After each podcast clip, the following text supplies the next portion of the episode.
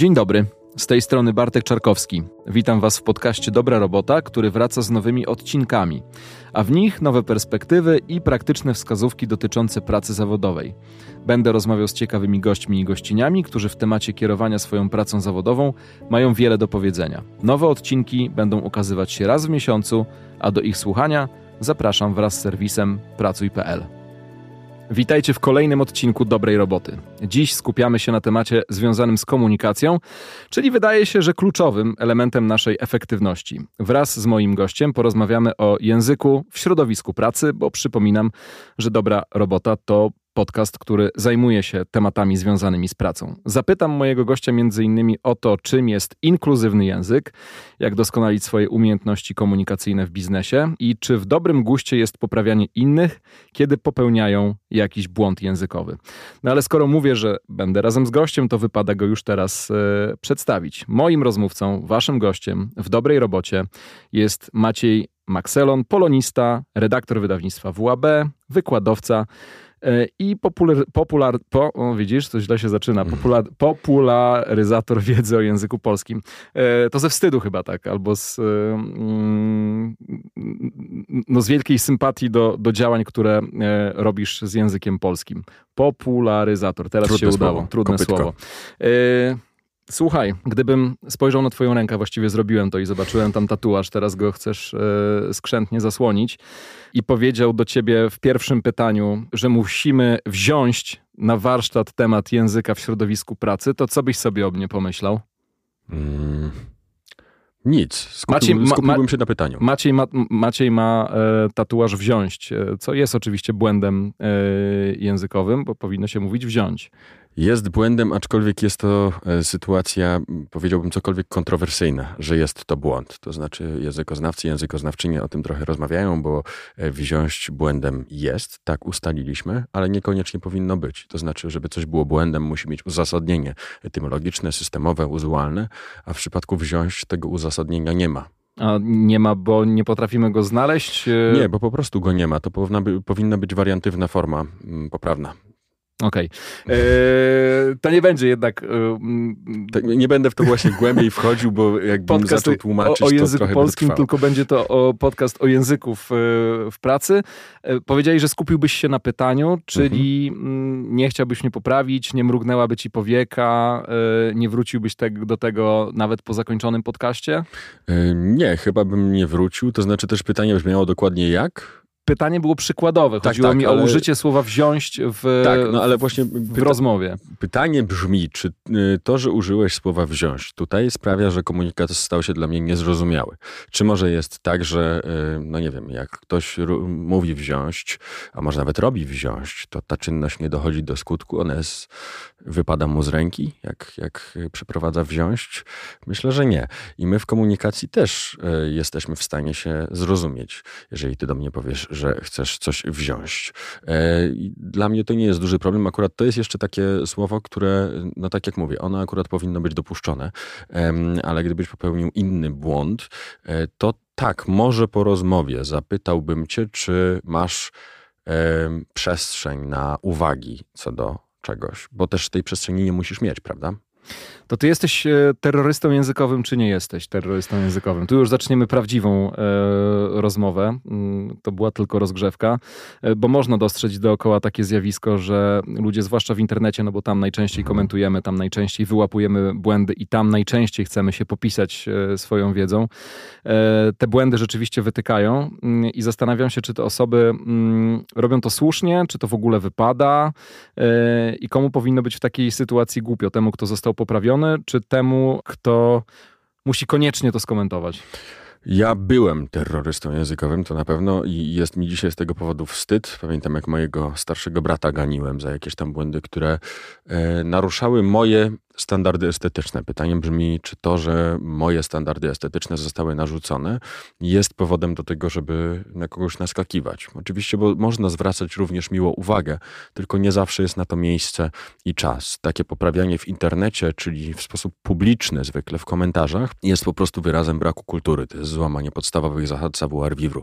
Tego się nie robi. Tym bardziej e, poprawianie kogoś w sytuacjach jakichś takich publicznych bardziej e, wystąpień, w trakcie wywiadów widziałem takie dwie potworne sytuacje, gdzie mm, na przykład y, pan poseł Janusz Kowalski coś mówił i mówił o tym, że trzeba się czemuś przyglądnąć i tutaj dziennikarka Gazety Wyborczej e, w tym momencie zabrała mu mikrofon i Poprawiła mówi, i oddała mikrofon. Tak, tak e, powiedziała, że jeżeli chcemy mówić po polsku, to przyjrzeć.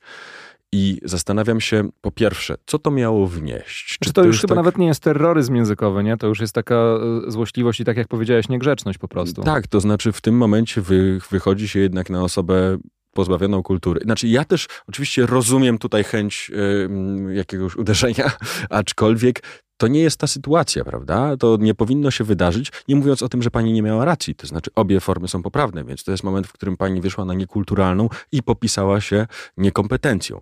E, bo też pytanie, czy my wszyscy jesteśmy nauczycielami i nauczycielkami? Czy to jest nasza rola, żeby poprawiać innych? Bardzo często próbując poprawiać innych, no możemy właśnie wykazać, że sami nie bardzo wiemy, o czym mówimy, tak jak w tym przypadku. A nie wydaje ci się, że jest to zakorzenione po prostu w chęci zwrócenia uwagi na siebie to jedno, ale przede wszystkim pokazania, że jesteśmy trochę lepsi niż e, nasz rozmówca albo osoba, której post komentujemy. E, I to jest taka chyba najłatwiejsza flanka, na którą możemy wytoczyć działa, bo mm, no, może ktoś miał trochę lepsze oceny na języku polskim w liceum albo w szkole podstawowej i coś tam zapamiętał, więc łatwo mu się e, popisać i zabłysnąć, ale gdyby trzeba było wejść e, głębiej w jakąś już taką merytoryczną część przekazu, który się poprawia, to pewnie mm, sprawiałoby to już e, temu poprawiającemu więcej problemów, że to po tej najmniejszej linii oporu, czy po linii najmniejszego oporu? Tak, no to znaczy to jest tak, że myślę, że faktycznie jest tutaj ta potrzeba pokazania, że jest się trochę lepszym, że nasza polszczyzna jest lepsza niż kogoś ustawienie się szczebelek wyżej na drabinie. Pytanie, co to wnosi do komunikacji, prawda? I czy w ten sposób jesteśmy w stanie się dogadać, jeżeli będziemy się skupiać na e, pokazywaniu komuś po prostu, że jesteśmy lepsi, a nie na komunikacie czy podtrzymaniu kontaktu. E, I no, to są sytuacje bardzo smutne, kiedy się na nie patrzy. Myślę też, że drugim takim powodem, dla którego często to robimy, jest to, że w szkole jednak często nas się uczy mm, tego, że język jest zero-jedynkowy, jest czarno-biały. On czarno-biały nie jest. To, jest, to są różne odcienie szarości e, i e, uczy się nas trochę takiego poprawiactwa, takiego poprawiactwa bezrefleksyjnego, bo my na kogoś owszem naskakujemy, że powiedział wziąć albo w każdym bądź razie, a kiedy zapytamy taką osobę naskakującą, dlaczego wziąć jest niepoprawne, no bo pani w szkole tak mówiła. Bo, bo poprawne jest wziąć. No. To nie jest wytłumaczenie, prawda? Więc y, poprawiamy kogoś i tak dalej, nie do końca rozumiejąc nawet te zjawiska. I y, pytanie, czy w innych sytuacjach społecznych byśmy się tak zachowywali? Pytanie, czy jeżeli u, widzimy na ulicy osobę, która ma ubrane y, do żółtych butów spodnie w kratkę, do tego koszulkę w paski pionowe i na to e, kurtkę w paski poziome i wszystko sprawia wrażenie jakiegoś skrajnego chaosu, miszmaszu. Czy my podchodzimy do tej osoby, żeby jej powiedzieć, słuchaj, no do dupy to wygląda. Źle, źle się ubrałeś, ubrałaś. To tak nie powinno być. No chyba jednak tego nie robimy, bo to by było zachowanie skrajnie niekulturalne. Poza wszystkim. Ale wiesz, w internecie już łatwo napisać, tak jak łatwo poprawić e, kogoś e, błąd językowy w komentarzu e, w tym czy innym portalu internetowym, to łatwo też wtedy napisać, że ale ktoś się ubrał. No tak, no to ja bym tutaj miał taki jeden postulat, żebyśmy w internecie jednak próbowali się zachowywać tak jak w cywilizowanym świecie, tak? Aha, tak? Czyli to... myśląc o drugiej osobie. Dobry postulat, ale zdaje się, że mało realny. internet, no właśnie, to jest przestrzeń publiczna, e, a przejdźmy może do tej przestrzeni zawodowej. Wydaje mi się, że odpowiedziałeś już na to pytanie, ale wypada e, dopytać, bo też jesteśmy mm, w takim, a nie innym podcaście. Czy w środowisku zawodowym również, e, w momencie, w którym ktoś popełnia błąd językowy, również należałoby stosować się mm, do Twoich słów i nie poprawiać, albo znaleźć lepszy moment na to, żeby, żeby komuś coś wytłumaczyć, niż z bomby wlatywać i mówić: Nie, no nie będę z Tobą gadał, bo Ty nie wiesz, że się nie mówi 25 sierpień, tylko 25 sierpnia. Ja uważam, że e, zdecydowanie należy szukać lepszych momentów. E, takie niezapowiedziane, nie, niezapytane, można powiedzieć, o poprawianie jest e, nie do końca kulturalne A takie poprawianie w sytuacji publicznej zawodowej pod tytułem ktoś na przykład robi prezentację i my go poprawiamy w trakcie robienia tej prezentacji, no to już jest skandal, bo w ten sposób. Yy, podważamy też jego kompetencje jakieś, poza wszystkim pozbawiamy go trochę pewności siebie. To jest osoba, która właśnie prawdopodobnie mierzy się ze stresem e, pewnego rodzaju, co też sprzyja błędom, prawda? A my jeszcze ten stres potęgujemy. Podobnie jest z komunikacją mailową. No, słyszałem o takich sytuacjach, że na przykład ktoś napisał coś źle w mailu e, i mailu ogólnym powiedzmy do, do większości pracowników, pracowniczek, osób pracujących e, i y, dostał odpowiedź odpowiedź od jednej z osób, że no jakby piszemy tak, a nie tak. CC do wszystkich. Zastanawiam się po co po prostu. No być może to też jest taka sytuacja, że ktoś chciał się na kimś e, odegrać, więc najłatwiej e, zrobić to upokarzając na tle e, innych pracowników. No, rzecz okropna i, i, i, nie powinna się wydarzyć w ogóle, zwłaszcza w takim kontekście. I tutaj tylko... Wiesz, jak się rozwiązała ta sytuacja? E, wiem, że jakiś inny pracownik zareagował i stanął w, w obronie tej osoby e, i próbował wytłumaczyć, jak bardzo to jest nie, e, nie w porządku. Ale tutaj jest, myślę, ważne to, to, co ty powiedziałeś, to znaczy może możliwe, że to była próba upokorzenia, odegrania się. No właśnie, kiedy myślimy o tym, dostrzegamy te błędy. E, i chcemy zwrócić uwagę, korci nas, no to może powinniśmy się zastanowić, jaki jest nasz cel. To znaczy, co my chcemy osiągnąć. Czy my to robimy dlatego, że tej osoby nie lubimy, chcemy jej pokazać, że jesteśmy lepsi, czy chcemy pokazać, że no nie przygotowałeś się lub nie przygotowałaś do prezentacji, czy zależy nam na tej osobie i chcemy po prostu, żeby na przykład w przyszłości uniknęła tego błędu, nie narażając się tym samym na jakieś niewybredne komentarze. Bo jeżeli to ostatnie, no to jesteśmy w stanie w sposób empatyczny podejść e, albo po tej prezentacji, albo dzień później i zapytać, no właśnie, czy masz przestrzeń w tym momencie na jakieś uwagi do tej prezentacji? Bo je, jeżeli osoba e, powie tak, to mówimy, no bo zauważyłem, że to, to, to się mówi w ten sposób, a, a powiedziałeś w ten sposób i to może jakoś wpływać na odbiór, prawda? I wtedy to wygląda zupełnie inaczej, prawda? My y, z kimś dzielimy się wiedzą i troską w sposób bardzo empatyczny i nie widzę, mm, dlaczego taka sytuacja miałaby być zła. To jest bardzo pozytywna sytuacja. Czy uważasz, że w ogóle język jest e, albo powinien być przedmiotem takich e, publicznych e, dyskusji w, w, w pracy zawodowej? Ja myślę, że warto rozmawiać o języku, dlatego że język trochę determinuje nasze myślenie, prawda? My nie myślimy abstrakcyjnie, my myślimy albo przy pomocy języka, albo przy pomocy obrazów. W związku z tym to, jakiego języka używamy, e, z pewnością jest ważne i ważne jest, żeby w firmach na przykład e, różne osoby czuły się po prostu e, włączane, nie czuły się, okej, okay, włączane to jest może bardziej nie czuły się wykluczane w ten sposób i żeby wszyscy czuli się w miarę komfortowo, bo w tych firmach również najważniejsze chyba jest to, zwłaszcza w komunikacji wewnętrznej, żeby mm, ta komunikacja po prostu zachodziła skutecznie. Skutecznie to znaczy, żeby obie strony się rozumiały, prawda? E, I żeby przy tym czuły się dobrze. Powiedz mi, czy ty obserwujesz na co dzień e, rozwarstwienie językowe w różnych grupach zawodowych? Czy język w, w, polskiej pracy się różni e, w zależności od, e, no chciałem powiedzieć miast, miasteczek, e, to pewnie dość oczywiste, ale miejsc, miejsc pracy, wiesz, od, od wielkich korporacji do małych, kilkuosobowych firm? Tak, myślę, że bardzo się różni. Mamy oczywiście korpomowe dzisiaj, prawda? W moim wydawnictwie na przykład też mówi się zupełnie inaczej niż w, w korporacjach, ale też pewnie w, inaczej niż w większości innych firm. W małych firmkach jeszcze inaczej się mówi. Te języki języki są bardzo różne, ale też zauważyłem, że bo my często na przykład narzekamy na korpomowę, e, a ona moim zdaniem nie stanowi problemu, jeżeli służy do tego, żebyśmy jak najbardziej skutecznie dogadali się w pracy, prawda? My korzystamy z tych konkretnych KPI-ów i tak dalej, po to, żeby w sposób jak najbardziej precyzyjny, jak najszybszy przekazać informacje. Kiedy przenosimy to do grupy, która nie jest zorientowana w tym języku, no to wtedy narażamy owszem osoby odbierające nas na pewnego rodzaju wykluczenie komunikacyjne, tak? One mogą nie wiedzieć o co chodzi, ale w, w komunikacji firmowej to jest też jak najbardziej okej. Okay. Czy poprawność językowa w biznesie jest Twoim zdaniem istotna? Poprawność językowa w ogóle jest bardzo istotna, moim zdaniem, aczkolwiek mm, ja bym może powiedział bardziej niż o poprawności językowej, o kulturze języka, aczkolwiek jest istotna wtedy, kiedy nie sprowadzamy jej do poziomu błędologii, e, no a błędologię zwykle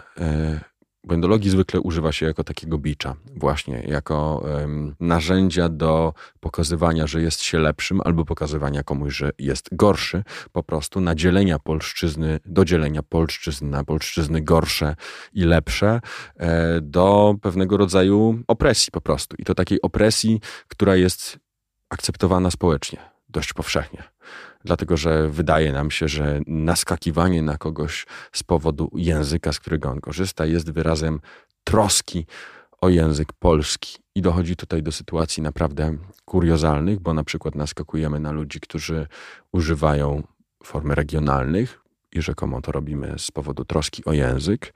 A jeżeli zajrzymy sobie na przykład do ustawy o ochronie języka polskiego, to tam napisane jest, że jednym ze sposobów dbania o język polski, chronienia języka polskiego jest również pielęgnowanie gwar i regionalizmów. To jest piękna różnorodność polszczyzny i to, że ktoś na przykład e, mówi mówią, polecają i tak dalej, nie musi wynikać z żadnego tak zwanego językowego niedbalstwa. Może to jest po prostu osoba z y, okolic Poznania, gdzie tak się mówi. To, że ktoś mówi 30 czy, no to znaczy bardzo możliwe, że jest z Małopolski, tak? To jest po prostu regionalna wymowa. A mm, my bardzo często właśnie tę poprawność sprowadzamy do poziomu błędologii i używamy jako narzędzia opresji i wtedy to nie jest ok. A myślisz, że my w ogóle chcemy mm, w życiu zawodowym schomogenizować język i, i, i, i raczej stoimy na stanowisku, żeby każdy brzmiał, mówił i komunikował się e, w mailach bardzo podobnie? Wydaje mi się, że w obrębie firm może tak być. Mamy zresztą w wielu firmach standardy języka, przyjmują sobie różne firmy właśnie nasz standard językowy. Czy to jest dobre, czy nie, to pewnie zależy od tego, jaki jest ten standard, bo jeżeli to jest standard, który ma usprawniać komunikację, ale równocześnie jest otwarty na potrzeby komunikacyjne osób pracujących, a nie jest oderwanym od tego jakimś zbiorem pustych zasad, no to wtedy to jest jak najbardziej ok. Myślę, że to dążenie do homogeniczności języka, jak powiedziałeś, e, do pewnego rodzaju zamknięcia i zakonserwowania go, jest dążeniem naszym ogólnym jako narodu i to powiedzmy, że jest uzasadnione historycznie.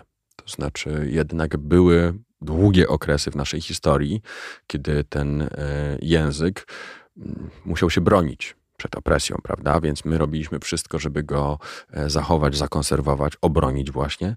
Tylko, że to już nie są te czasy. My już nie musimy tego robić. A e, bronienie go przed obcymi wpływami, na przykład przed zapożyczeniami, e, bronienie przed rozwojem, no to jest tak naprawdę działanie na jego niekorzyść. To znaczy, nie ma żadnego języka, ja nie znam żadnego języka, który by umarł przez to, że się zmienia, przez to, że formy niepoprawne stają się poprawnymi, przez to, że wchodzą kolejne zapożyczenia do języka. Są za to języki, które umarły, dlatego że się rozwijały. Język musi odpowiadać potrzebom rzeczywistości. I tutaj zawijając do pytania, które mm, zadałeś, jeżeli te normy wprowadzone w firmie sprawiają, że język jak najbardziej pozwala odpowiadać rzeczywistości w firmie, odpowiadać na potrzeby tej rzeczywistości, no to te normy są jak najbardziej ok.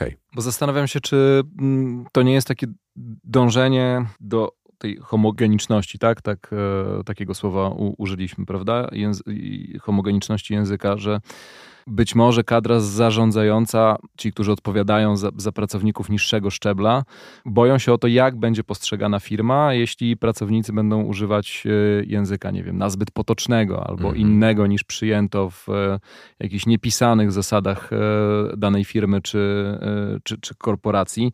I pójdę z tym pytaniem jeszcze dalej, czy wydaje ci się, że. Mm, używanie języka w sposób błędny może w ogóle zaważyć na karierze danego pracownika. Mhm.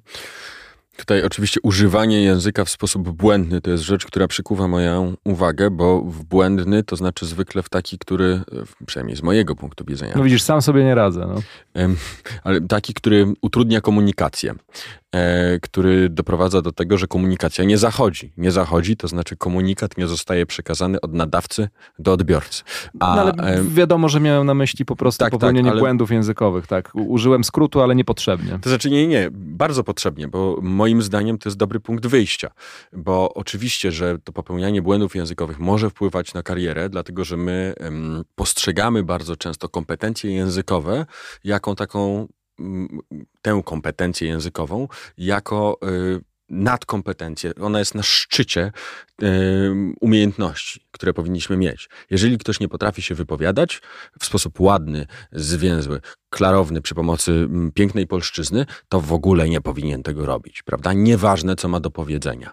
E, I tutaj ja dlatego tak się uczepiłem tego, e, co powiedziałeś, e, że ja myślę, że nie do końca tak powinno być. To znaczy, tak długo, jak ta osoba e, jest w stanie nam przekazać to, co ma do przekazania, jak ta komunikacja zachodzi, e, to ta komunikacja wtedy nie jest błędna. Może być niewystarczająco estetyczna, ale nie jest błędna. E, no ale oczywiście żyjemy w, w takiej rzeczywistości, w której te walory estetyczne mogą przeważać i, I, może być tak, że przez to, że ktoś korzysta z y, nieładnego języka, przez to, że ma ograniczony zasób słownictwa i tak dalej, czy popełnia właśnie błędy językowe, no ta ścieżka kariery jest trudniejsza do zrealizowania. Równocześnie tutaj mam jedno pytanie, czy to jest tak, że wybitny matematyk, który nie radzi sobie dobrze z językiem. Nie Pozos powinien się... Pozostaje wybitnym matematykiem. No i czy nie powinien się wypowiadać, prawda? Czy to jest tak, że jeżeli on nie będzie się wypowiadał, również dlatego, że może będzie czuł się zaszczuty językowo, to znaczy jak on się wypowiada, to ktoś mu to cały czas wypomina, poprawia go i tak dalej, to czy my jako społeczeństwo trochę na tym nie tracimy, bo nie mamy dostępu do tych mądrych rzeczy, które on by mógł nam powiedzieć. Może w sposób, który nie do końca przystaje do naszych kategorii estetycznych, ale jednak to są jakieś mądre rzeczy. Powiedziałeś o nieładnym języku. Mm, co myślisz o używaniu przekleństw e, w języku zawodowym, w języku środowiska pracy? Ja myślę, że na różne tradycje językowe, są różne miejsca i oczywiście środowisko zawodowe mm, nie jest może koniecznie tym miejscem, w którym powinniśmy przeklinać, chociaż wiemy, że piłkarze na boisku, którzy dostają za to pieniądze, rzucają tam e, mięsem powiem szczerze, że również w kulturze, w której ja pracuję, tym mięsem też się czasem rzuca, prawda? I to nie jest tak, że mm, ktoś, kto robi książki albo e, komponuje muzykę, nigdy nie rzucił słowem na kaw pracy. Wiem, że nawet zdarza się to często. Myślę, Rozumiem, że... że ty jako korektor też sobie czasem rzucisz. E, ja e, oczywiście, że też rzucam, tak, tak. Szukam, szukam alibi dla siebie też, wiesz, bo mam wrażenie, że ja sporo przeklinam, mhm. pełnię kierownicze stanowisko, ale wydaje mi się, że jest przekleństwo i że jest przekleństwo, że, że w sytuacji, kiedy komunikujesz się nieagresywnie, mhm. bez negatywnego kontekstu, e, nie jest to przekleństwo włożone gdzieś pomiędzy jakąś pretensję do, do pracownika, tylko jest nawet, no ja jeszcze jestem w bardzo, środowi- w bardzo specyficznym środowisku, bo pracuję w środowisku rapowym, gdzie przekleństwo mhm. właściwie jest no, chlebem powszednim, e, to że to nie, nie stanowi problemu, ale przygotowując się do rozmowy z tobą, zacząłem się zastanawiać, czy na przykład y, przystoi komuś na, na takim stanowisku jak ja komunikować się z, y, z zespołem. Czasami w sposób, y, no nie chcę użyć słowa ordynarny, ale mm, nie do końca elegancki. Ja myślę, że jeżeli to jest akceptowane przez e, zespół, jeżeli to e, ułatwia komunikację, a to może ułatwiać komunikację, dlatego że ta mniej formalna forma, mniej formalna forma, mniej formalny wydźwięk tego może powodować na przykład pewnego rodzaju bliskość, prawda? I budować zaufanie tak naprawdę.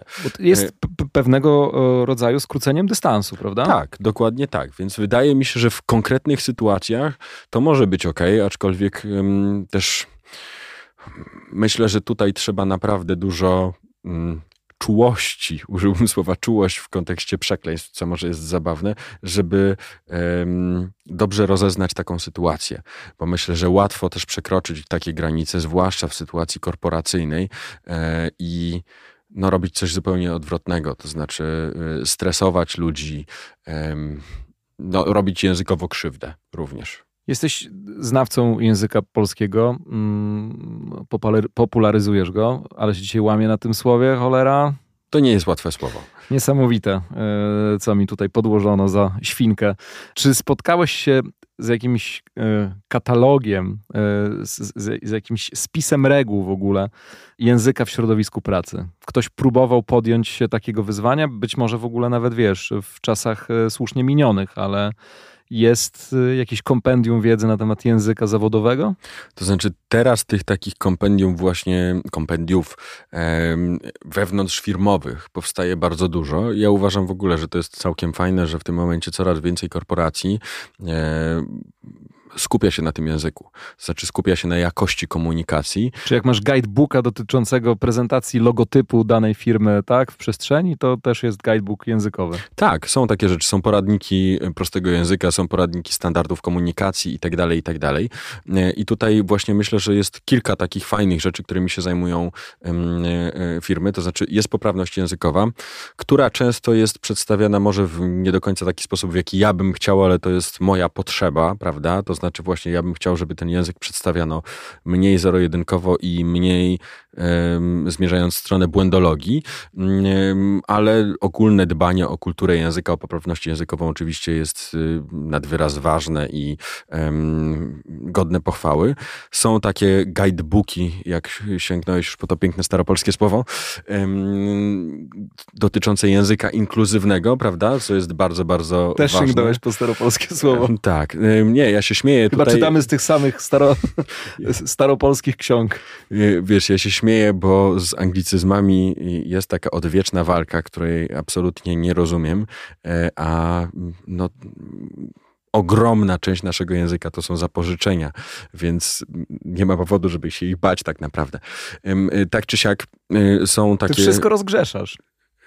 Wiesz co, bo moim zdaniem język nie powinien być narzędziem zbrodni. Język powinien być narzędziem właśnie do porozumienia się. Dzieli, nie dzielić nas, tylko łączyć. Ale właśnie a propos łączenia są takie e, poradniki e, czy standardy języka włączającego, właśnie sięgając bardziej po polskie słowo. I również w tym momencie bardzo wiele firm wprowadza standardy prostego języka, co też jest fajne, e, bo e, no wiemy, że bardzo często również te komunikaty ze strony korporacji potrafią być napisane w sposób utrudniający zrozumienie. Zastanawiam się, czy w tych e, guidebookach już będę trzymał się tej mm. starej polszczyzny. Są też już e, rozwiązania dotyczące feminatywów. Dwa lata temu grupa Pracuj przeprowadziła badania E, z których wynika, że 8 na 10 badanych przez Pracuj.pl, 8 e, na 10, 8 na 10 badanych e, przez Pracuj.pl kobiet uważa, że żeńskie nazwy stanowisk powinny być używane powszechnie, na równi z tymi męskimi, a aż 3 czwarte z nich oczekuje feminatywów w ogłoszeniach o pracę i chciałoby mieć wpływ na nazwę swojego stanowiska. Jak do tego podchodzą pracodawcy? Czy ty spotykasz się z bezproblemowym e, traktowaniem feminatywów, o których już swego czasu mm, e, rozmawialiśmy w tym programie. Natomiast e, no ja widzę zmianę, ale powiedz mi, czy ona jest wystarczająca w tym momencie?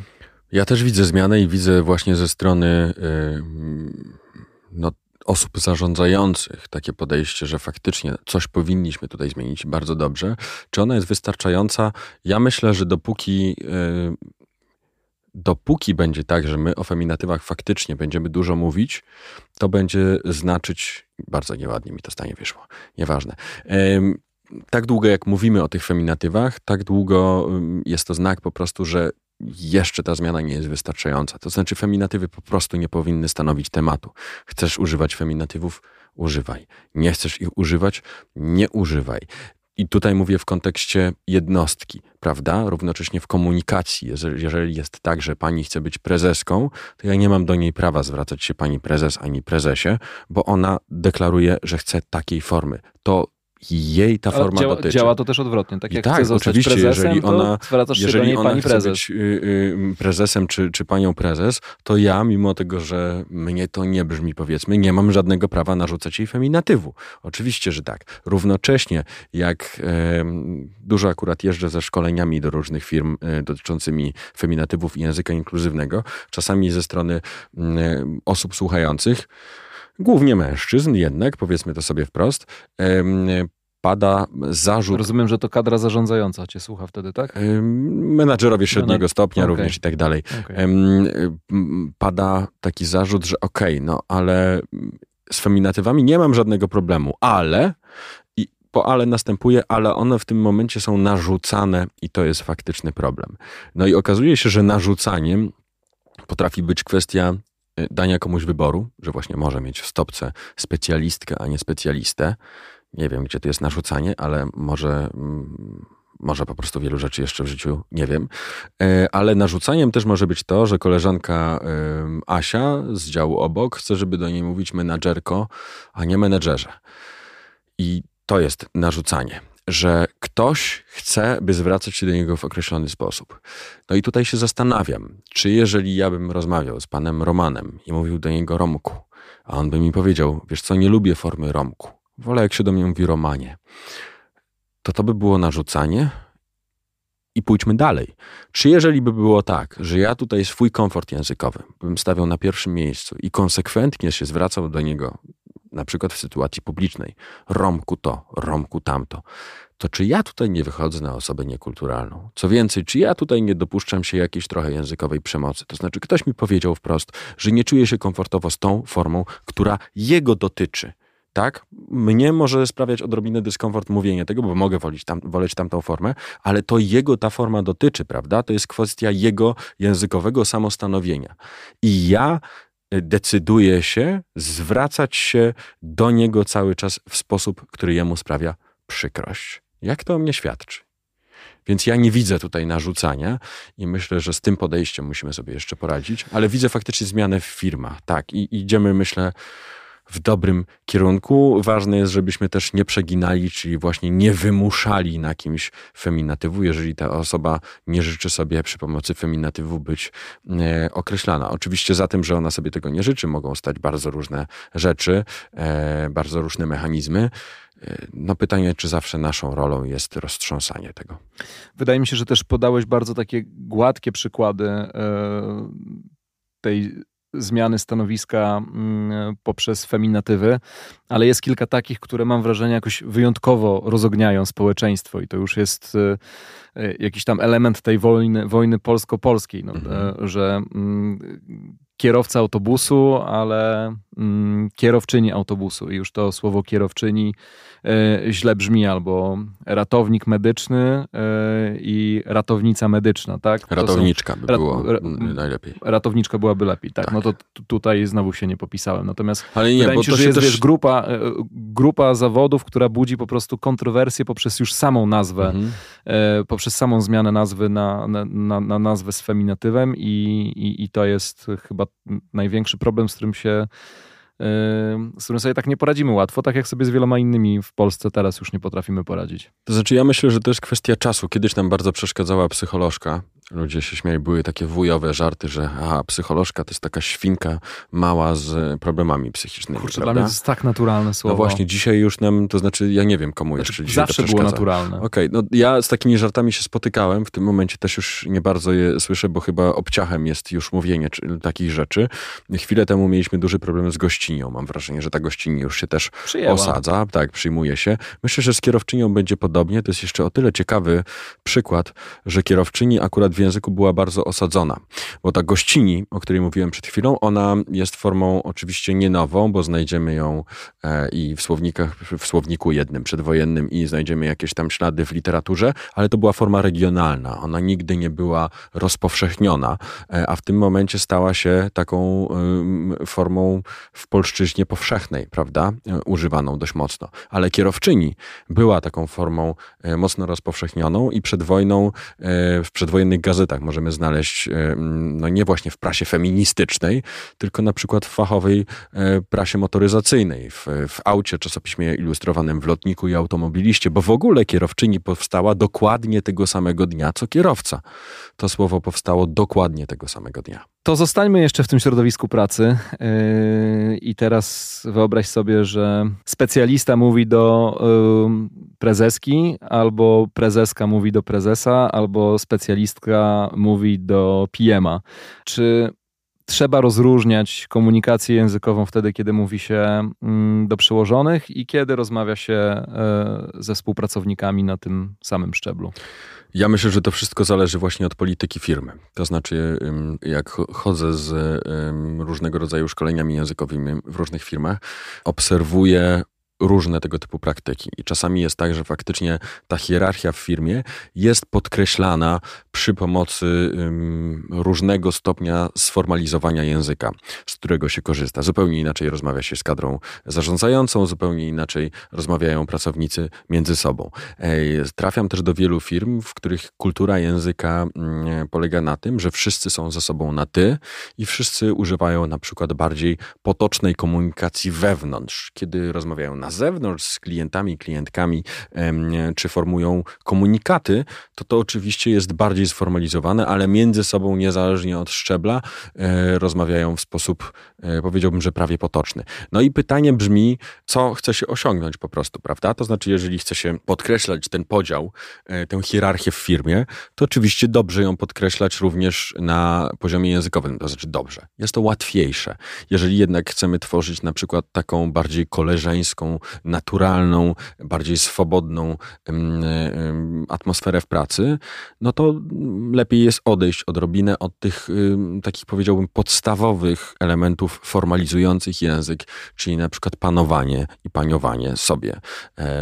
Kiedy się tykamy, to jest łatwiej, ten dystans jest mniejszy. Dwa odcinki temu moją gościnią e, była Joanna Toboła. Mm, rozmawialiśmy między innymi o rozmowach e, kwalifikacyjnych i Anna zwróciła wtedy uwagę na, e, na fakt, że często w tym momencie, kiedy trwa rozmowa screeningowa e, i pracodawca daje możliwość mm, aplikującemu o pracę zadać teraz pytania, to często ta szansa jest niewykorzystywana. Czy wydaje ci się, że w czasie rozmowy rekrutacyjnej warto też pytać o to, jakim językiem komunikuje się w danej firmie i jak język w ogóle wpływa na atmosferę pracy. Zakładam, że bardzo mało osób zadaje takie pytania w czasie, y, w czasie rozmów kwalifikacyjnych, ale ten podcast jest właśnie po to, żeby mhm. Mm, dawać naszym słuchaczom, odbiorcom Pracuj.pl także jakieś wskazówki i co polecałbyś zapytanie o język komunikacji w pracy na rozmowie rekrutacyjnej? Wiesz co, ja myślę, że to jest bardzo fajne pytanie, naprawdę. To znaczy, ono też pokazuje, że my jesteśmy zainteresowani tym, czy będziemy w stanie dobrze odnaleźć się w tym środowisku pracy to też pokazuje trochę naszą mm, decyzyjność tutaj, prawda? To znaczy, ja trochę sprawdzam, czy tutaj będę pasował. E, jeżeli nie, no to może szukam trochę czegoś innego, e, a może dla mnie to jest e, również droga rozwoju, zmiany przyzwyczajeń językowych i tak dalej. Myślę, że mm, często jest tak, że tego języka, tych standardów języka, które obowiązują w firmach, zwłaszcza tego standardu, kiedy się mocno tyka i skraca dystans, nie przenosi się na rozmowy kwalifikacyjne i potem dla osoby wchodzącej do firmy to może być pewnego rodzaju szok, prawda? Ten przeskok. E, a też takie pytanie, oczywiście ten przeskok by zmniejszyło. Tak, ja myślę, że to jest bardzo e, dobre pytanie na rozmowę kwalifikacyjne. Jest też druga strona tego medalu yy, i wydaje mi się, że ona jest niefajna, jeśli pracodawca już w czasie rozmowy kwalifikacyjnej podejmuje decyzję o, o współpracy z daną osobą właśnie na podstawie tego, jak ta osoba się komunikuje, czyli wyżej e, niż kompetencje stawia e, no chociażby właśnie jakiś prosty błąd językowy, który pojawia się no ze stresu zazwyczaj mhm. na, e, podczas takiej rozmowy. Tak, wydaje mi się, że to są bardzo niemądre praktyki po prostu, bo jeżeli szukamy specjalisty, specjalistki od IT na przykład i ta osoba po prostu będzie mówić o tym, że coś włącza, no to ponownie nie będzie to chyba świadczyć y, o tym, że ona nie będzie w stanie przeprowadzić skutecznie procesu włączania, tylko o to, że tutaj o tym, że tutaj popełnia błąd językowy, o niczym więcej. Oczywiście, jeżeli to jest tak, że szukamy eksperta, ekspertki, osoby eksperckiej od języka albo kogoś, kto będzie mówił publicznie, będzie naszym rzecznikiem, albo nie wiem, szukamy ludzi do, do e, jakiegoś miejsca, gdzie zajmuje się e, głównie komunikacją z ludźmi, tak, wtedy to może być ważna kompetencja. Ale w e, kontekście innych prac nie wydaje mi się, żeby jakiś prosty błąd językowy powinien być powodem do negatywnej decyzji e, dotyczącej przyjęcia takiej osoby do pracy. Szalenie mi się podoba w rozmowie z tobą, że ty naprawdę nawet nie jesteś się w stanie zająknąć, kiedy mówisz, że ktoś szuka specjalisty, specjalistki yy, i, że to jest u ciebie takie naturalne. Muszę sobie to przyswoić yy, także, także nie było. zazdroszczę ci tego. To znaczy było na pewno, kiedy byłem dzieckiem, bo wszystkie dzieci korzystają, wszystkie. Większość dzieci korzysta zupełnie naturalnie z feminatywów. Potem się idzie do szkoły i to, e, to się nam odbiera i zabija się tę naturalność i potem ją trzeba faktycznie sobie odtworzyć, więc to nie było naturalne. U mnie bardzo często mówię również e, w sposób niewłączający mm, osoby niebinarne na przykład, osób niebinarnych, e, ale to jest jeszcze rzecz, której się cały czas uczę, prawda? To znaczy te rzeczy związane z empatią językową i z zauważaniem potrzeb innych osób, no zwykle wymagają od nas po prostu uważności i czasu. To jest e, inkluzywność, znowu wrócimy mhm. do tego słowa, której każdy z nas musi się nauczyć e, i, mam nadzieję, że ten proces będzie tylko szedł w, w dobrą stronę.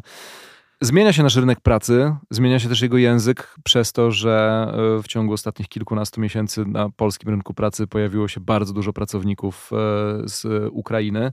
Mm, czy my dbamy o ich język? E, I no może kontrowersyjne pytanie, czy my powinniśmy w ogóle dostosowywać warianty języka do tego, z, z kim coraz częściej udaje nam się w firmach pracować? Czy my dbamy o ten język? Hmm, chyba nie mam wystarczających danych, aczkolwiek z takich dowodów anegdotycznych to mm, owszem, widzę czasami e, chociażby na portalu pracuj.pl e, ogłoszenia o pracę, gdzie są również e, no, części tekstów po ukraińsku.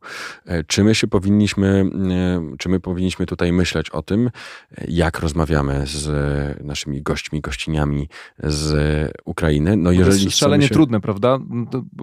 Jest taka potoczna myśl, że to są podobne języki, ale mhm. jednak, one się, e, jednak one się różnią i trochę siłowo narzucamy swój język w komunikacji. Czy siłowo, to nie wiem. Myślę, że naturalnie. E, czy powinniśmy myśleć o tym, no jeżeli chcemy się dogadać, to tak. Jeżeli nam na tym dogadaniu się nie zależy, no to oczywiście nie. Pytanie, dlaczego miałoby nam nie zależeć na dogadaniu się? E, zwłaszcza, że mówimy o pracy, to znaczy e, w pracy jesteśmy po to, żeby coś osiągnąć, to znaczy doprowadzić coś do jakiegoś celu i dostać potem za to pieniądze, prawda? Jeżeli chcemy doprowadzać te rzeczy do końca, y, no to myślę, że tak, powinno nam zależeć na tym, żeby dogadywać się z naszymi współpracownikami, współpracownicami. Y, myślę, że tutaj łatwo dość ułatwić ten proces. To znaczy, po pierwsze, e, zrobić dla osób, które zaczynają pra pracę u nas w firmie, dla osób z Ukrainy, zrobić jakieś proste przeszkolenia z e, języka polskiego, to znaczy takie, nie z języka polskiego, żeby ich uczyć po prostu pięknej polszczyzny, tylko z tych rzeczy, które mogłyby być na przykład źle zrozumiane z powodu różnic, mm, e, prowadzić do pewnego rodzaju barier komunikacyjnych. Ale dlaczego również ciężar tego w całości przenosić na nich. To znaczy, jeżeli mamy grupę z Ukrainy, która u nas pracuje, e, no to można równocześnie zrobić e, krótkie szkolenie dla pracowników, pracowniczek rodzimych z podstawowych zwrotów e, po ukraińsku i również z tego, co ewentualnie mogłoby sprawiać, że pojawią się jakieś blokady komunikacyjne między nami. Dlaczego nie? To jest stwarzanie bardziej przyjaznego miejsca pracy, po prostu. Na pewno obie te nacje łączą e, korporacyjne nowomowy. Trochę o tym mówiliśmy na, e, na początku czyli zapożyczenia z języka, z języka angielskiego, do których chyba się już przyzwyczailiśmy, mniej śmieszą. Czasami jeszcze pewnie się zdarza e, jakieś przeniesienie z angielskiego albo wprost język angielski w tej mowie korporacyjnej, który trochę zadziwia. E, ganiłeś to, udało ci się przyzwyczaić do feedbacku, do asapowania. No to są takie najprostsze przykłady, mm. ale wiesz o co chodzi. Ja uważam, że większość tych słów jest nam potrzebna. E, nie widzę na przykład żadnego sensownego odpowiedniku deadline'u. Jak powiedzieć po polsku deadline? no, e, ostateczny termin. No to ekonomiczność języka tutaj troszeczkę e, no, zawodzi. Mamy no, dwa słowa, nie?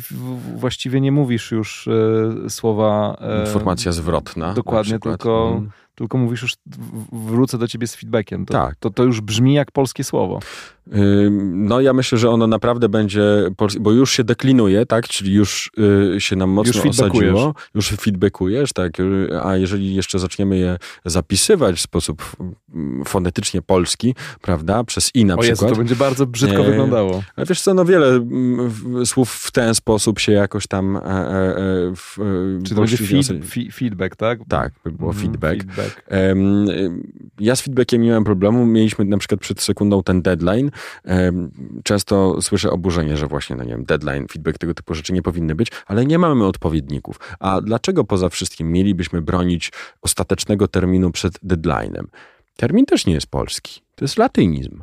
W ogóle co najmniej 25% korpusu naszego języka to są zapożyczenia z różnych y, innych języków. Bardzo często nie zdajemy sobie w ogóle z tego sprawy i chcemy bronić zapożyczeń przed innymi zapożyczeniami. E, dla mnie korzystanie z tych słów jest jak najbardziej ok. To znaczy, oczywiście, że są rzeczy, które mnie drażnią, bolą mnie w poloniście, jak słyszę, że szampon jest dedykowany włosom. On nie ma żadnej dedykacji, tam nie ma y, dedykacji dla włosów. Wielkieście pustki uczyniły na głowę mojej, prawda, szampon przeciwko wypadaniu włosom, ale y, on jest do jakichś włosów. Tylko, że ja wiem, że to jest mój problem natury estetycznej. Y, nie jest niczym dziwnym, że słowo, takie jak dedykowany, poszerza pole semantyczne, zaczyna znaczyć dodatkową rzecz, prawda? I w tym przypadku przejmuje trochę pole semantyczne słowa y, przeznaczony. No i okej, okay, no ja z tym sobie jakoś poradzę, że, że tak jest. Nie, nie, utrudnia mi to również zrozumienia. Muszę tylko przeskoczyć nad prywatnym ograniczeniem natury estetycznej. Prywatne pytanie będę miał do ciebie e, na sam koniec mhm. naszej rozmowy, ale jeszcze chciałem cię zapytać e, o to, jakie są pułapki, w które można wpaść, kiedy za bardzo skupia się na e, poprawności językowej? No myślę, że przede wszystkim można budować barierę komunikacyjną. To znaczy, jeżeli my się skupiamy nie tylko na swojej poprawności, na poprawności swojej wypowiedzi, ale drugiej osoby, no to możemy przestać skupiać się na samym komunikacie i na e, podtrzymaniu kontaktu z drugą osobą, prawda? Funkcja fatyczna może nam e, troszeczkę tutaj kuleć. Byłem świadkiem takiej sytuacji, e, gdzie mm, pewna osoba w jakiejś tam sytuacji mniej lub bardziej publicznej pojawiła się i właściwie y, całe skupienie jej na rozmowie z innymi osobami e, polegało na tym, że czekała ta osoba na to, aż ktoś popełni błąd. I kiedy tylko to się działo, następowało ożywienie, zwrócenie na to uwagi i koniec. Komunikacja zachodziła w sposób szczątkowy, co więcej, osoby poprawiane, wiadomo, że odrobinę się wycofywały, dlatego że w momencie, w którym widzisz, że ktoś czyha na każde twoje potknięcie, mm, no nie chcesz dawać okazji, prawda, do tego, żeby ktoś cię atakował. W związku z czym no, powstawały bariery komunikacyjne. No i myślę sobie, że jeżeli e, my tylko czyhamy na to, aż ktoś popełni błąd, albo nie potrafimy się powstrzymać po prostu, żeby kogoś nie poprawić, no to możemy sprawić, że ta osoba potem nie powie nam czegoś, co powinniśmy usłyszeć, bo będzie się bała, że skonstruuje to w sposób, który nam nie będzie odpowiadał i znowu zostanie poprawiona, tudzież zaatakowana za ten błąd. Wiadomo już, że moja największa wpadka językowa to to, że nie potrafię powiedzieć słowa popularyzator. A jaka jest Twoja e, na polu zawodowym największa wpadka językowa? Moja największa wpadka językowa. E, ja myślę, że takich wpadek językowych trochę z pewnością miałem. Myślę o jakiejś największej. w sytuacjach nie było. Nie, nie, jest tego, jest tego z pewnością dużo. Zdarza mi się. E, o, mam dwie rzeczy.